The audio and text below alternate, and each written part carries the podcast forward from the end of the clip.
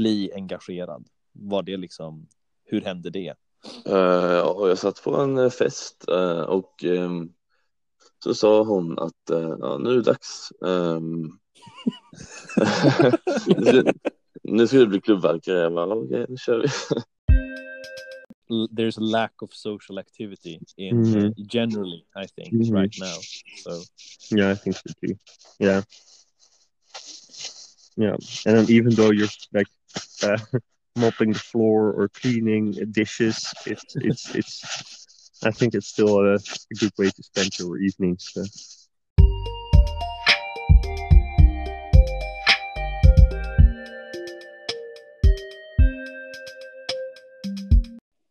Rockar i mitt ansikte. Eller typ, alltså skjortor och så.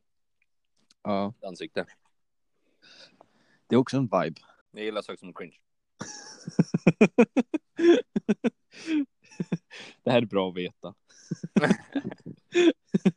jag gillar saker som är cringe.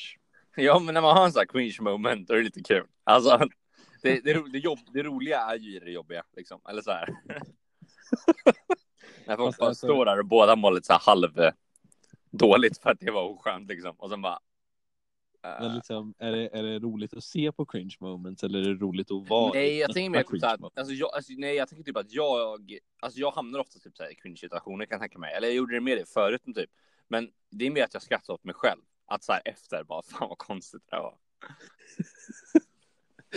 Gud vad... Gud vilken, gud vilken spännande... Vilken spännande grej att... eh, ja men eh, det är ju inte... Man ham, alltså, jag tänker spontant på du vet den där när man träffar någon och så, så här, åh, ska man hälsa? Oj, den stannade. Oj, nu måste jag också stanna. Men vi känner inte varandra så bra. Och så bara typ står man där. typ vet inte vad man ska säga. Vet du vad Ja, jag men menar? alltså, alltså jag kan lätt så gräva i cringe moments, typ så under corona nu när man inte ska kramas typ. Eh, Ja. och det är så här någon som gick in för en kram och då sa jag bara, då såg man på mig att inte jag gick in för en kram för jag bara, ey distance. Um, och sen typ så här, jag kunde inte grotta ner i den här händelsen. Vi skulle gå på promenad sen, jag kunde så här grotta ner i den händelsen typ hela promenaden. Bara för att det var kul. This is the first Swinglish podcast of our time. It might be awful, it might be absolutely grand, but we can promise is that it will be guld, gröna skogar och värme. The last boss of the club before you can call it a night. Välkommen Thomas, the clubmaster of Värmland. Ooh. Thanks. Happy to be here. I just, I just love that. You like, I harp up the introduction. Thomas like, thanks. I know all that already.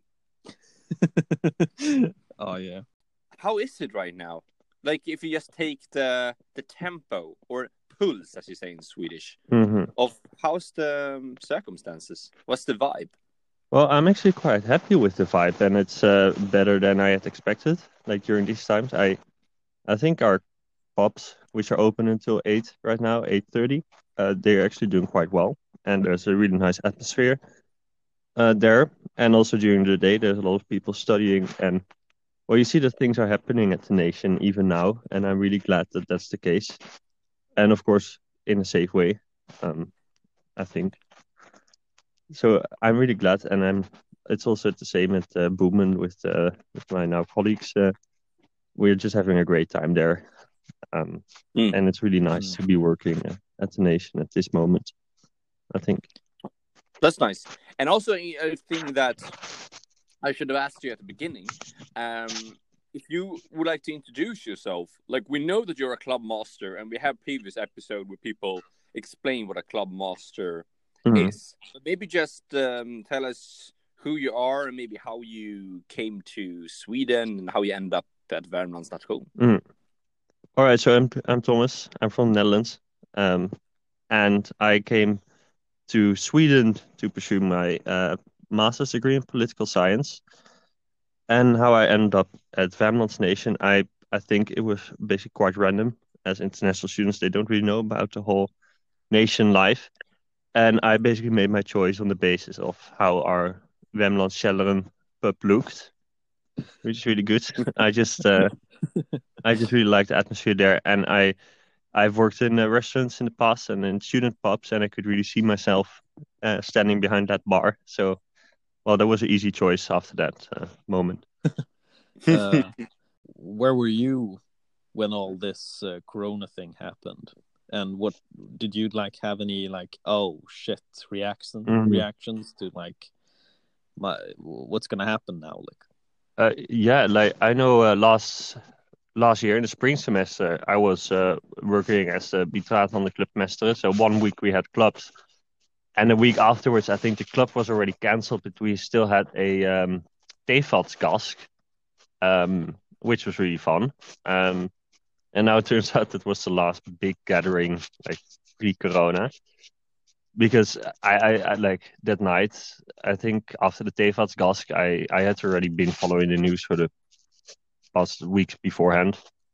And that night, apparently, Denmark, Austria, they were closing their borders. And you know, I I I- didn't really know about how Sweden would deal with the crisis. I was uh, uh, kind of worried that they would also close borders, and that I would end up being quarantined in my really small um, student house, uh, not being able to go back to my family. So I I actually flew back the next day, um, just to be sure, uh, and I stayed in the Netherlands for five weeks. And then when it all like cleared up a little bit, then I came back to Sweden. Um, yeah.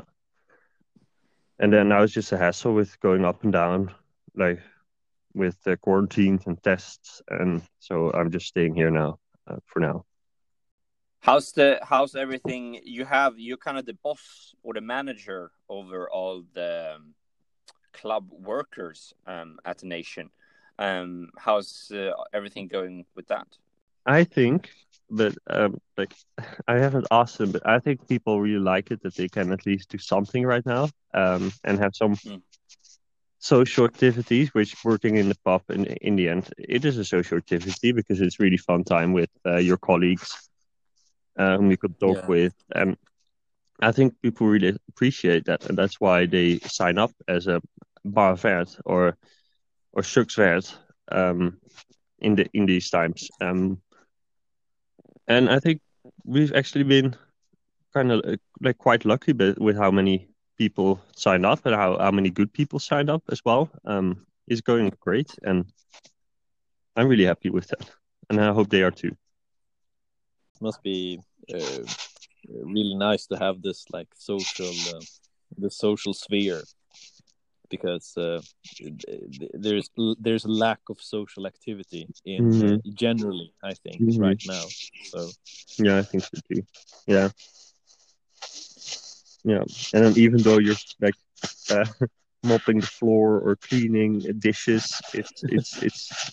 I think it's still a, a good way to spend your evenings. So.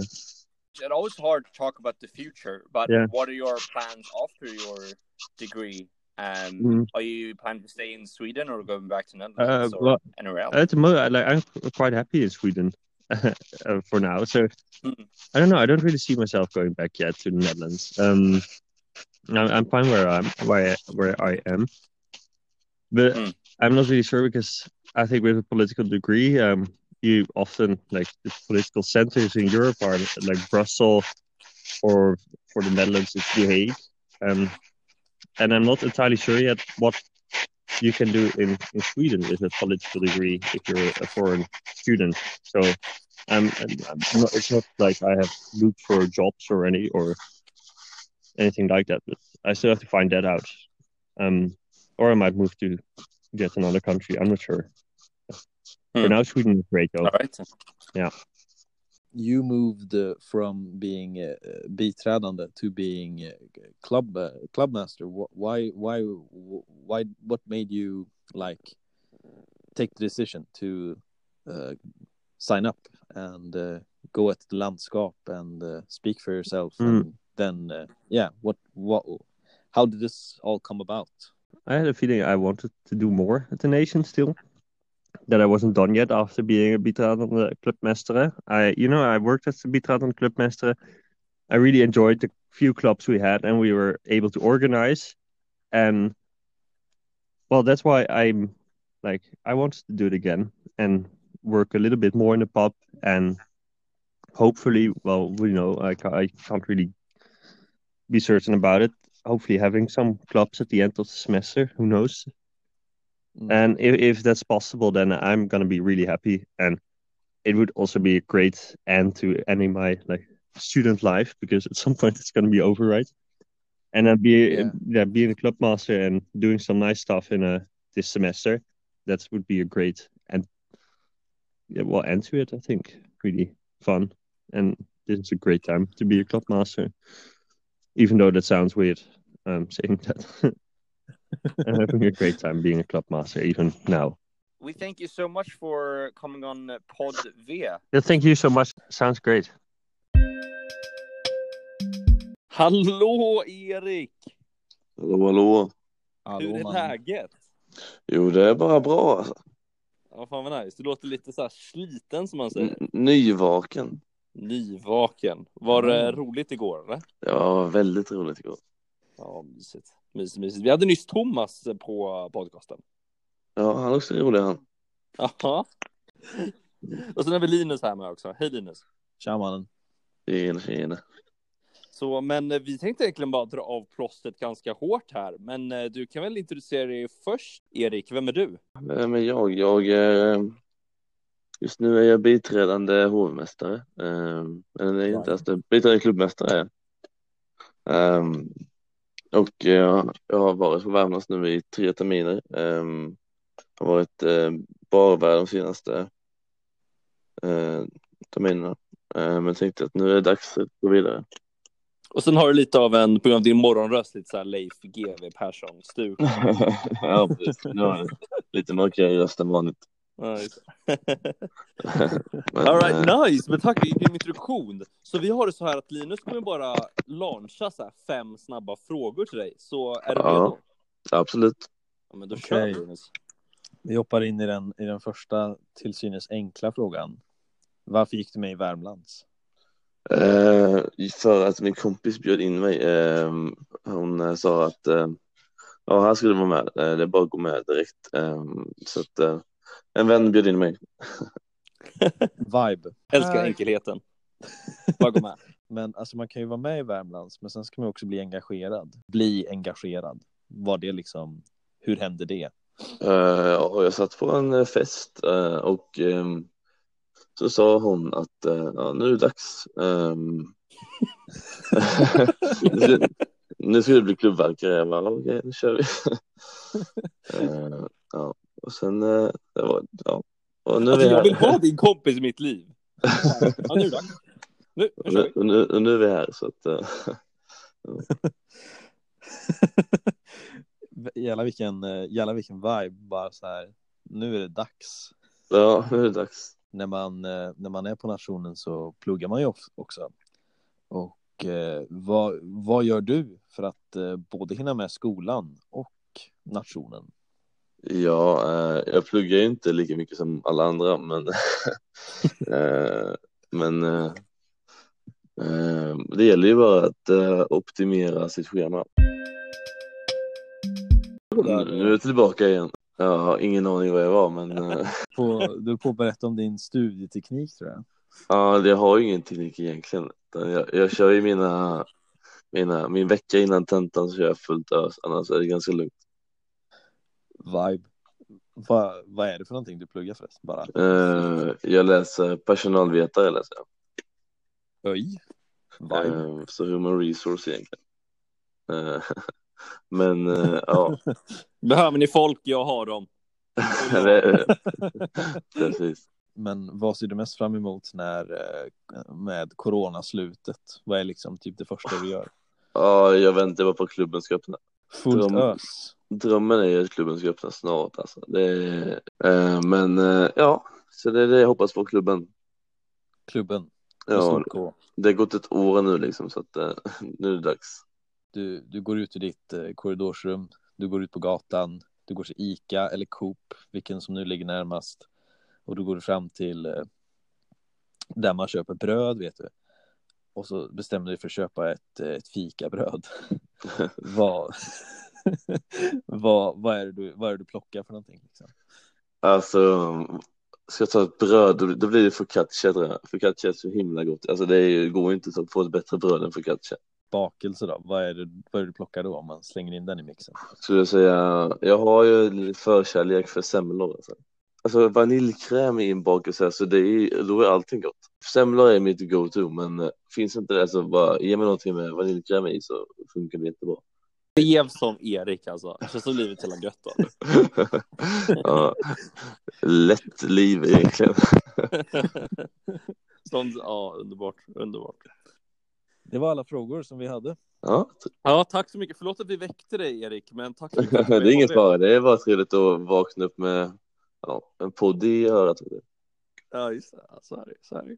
Men gött, men då får du ha det så trevlig Ja. helg och så hörs vi. Ja, detsamma. Ha en bra helg. Och som vanligt, tack Axel von Bonstorff för musik och tack för vår underbara logga Elvira Zetterberg.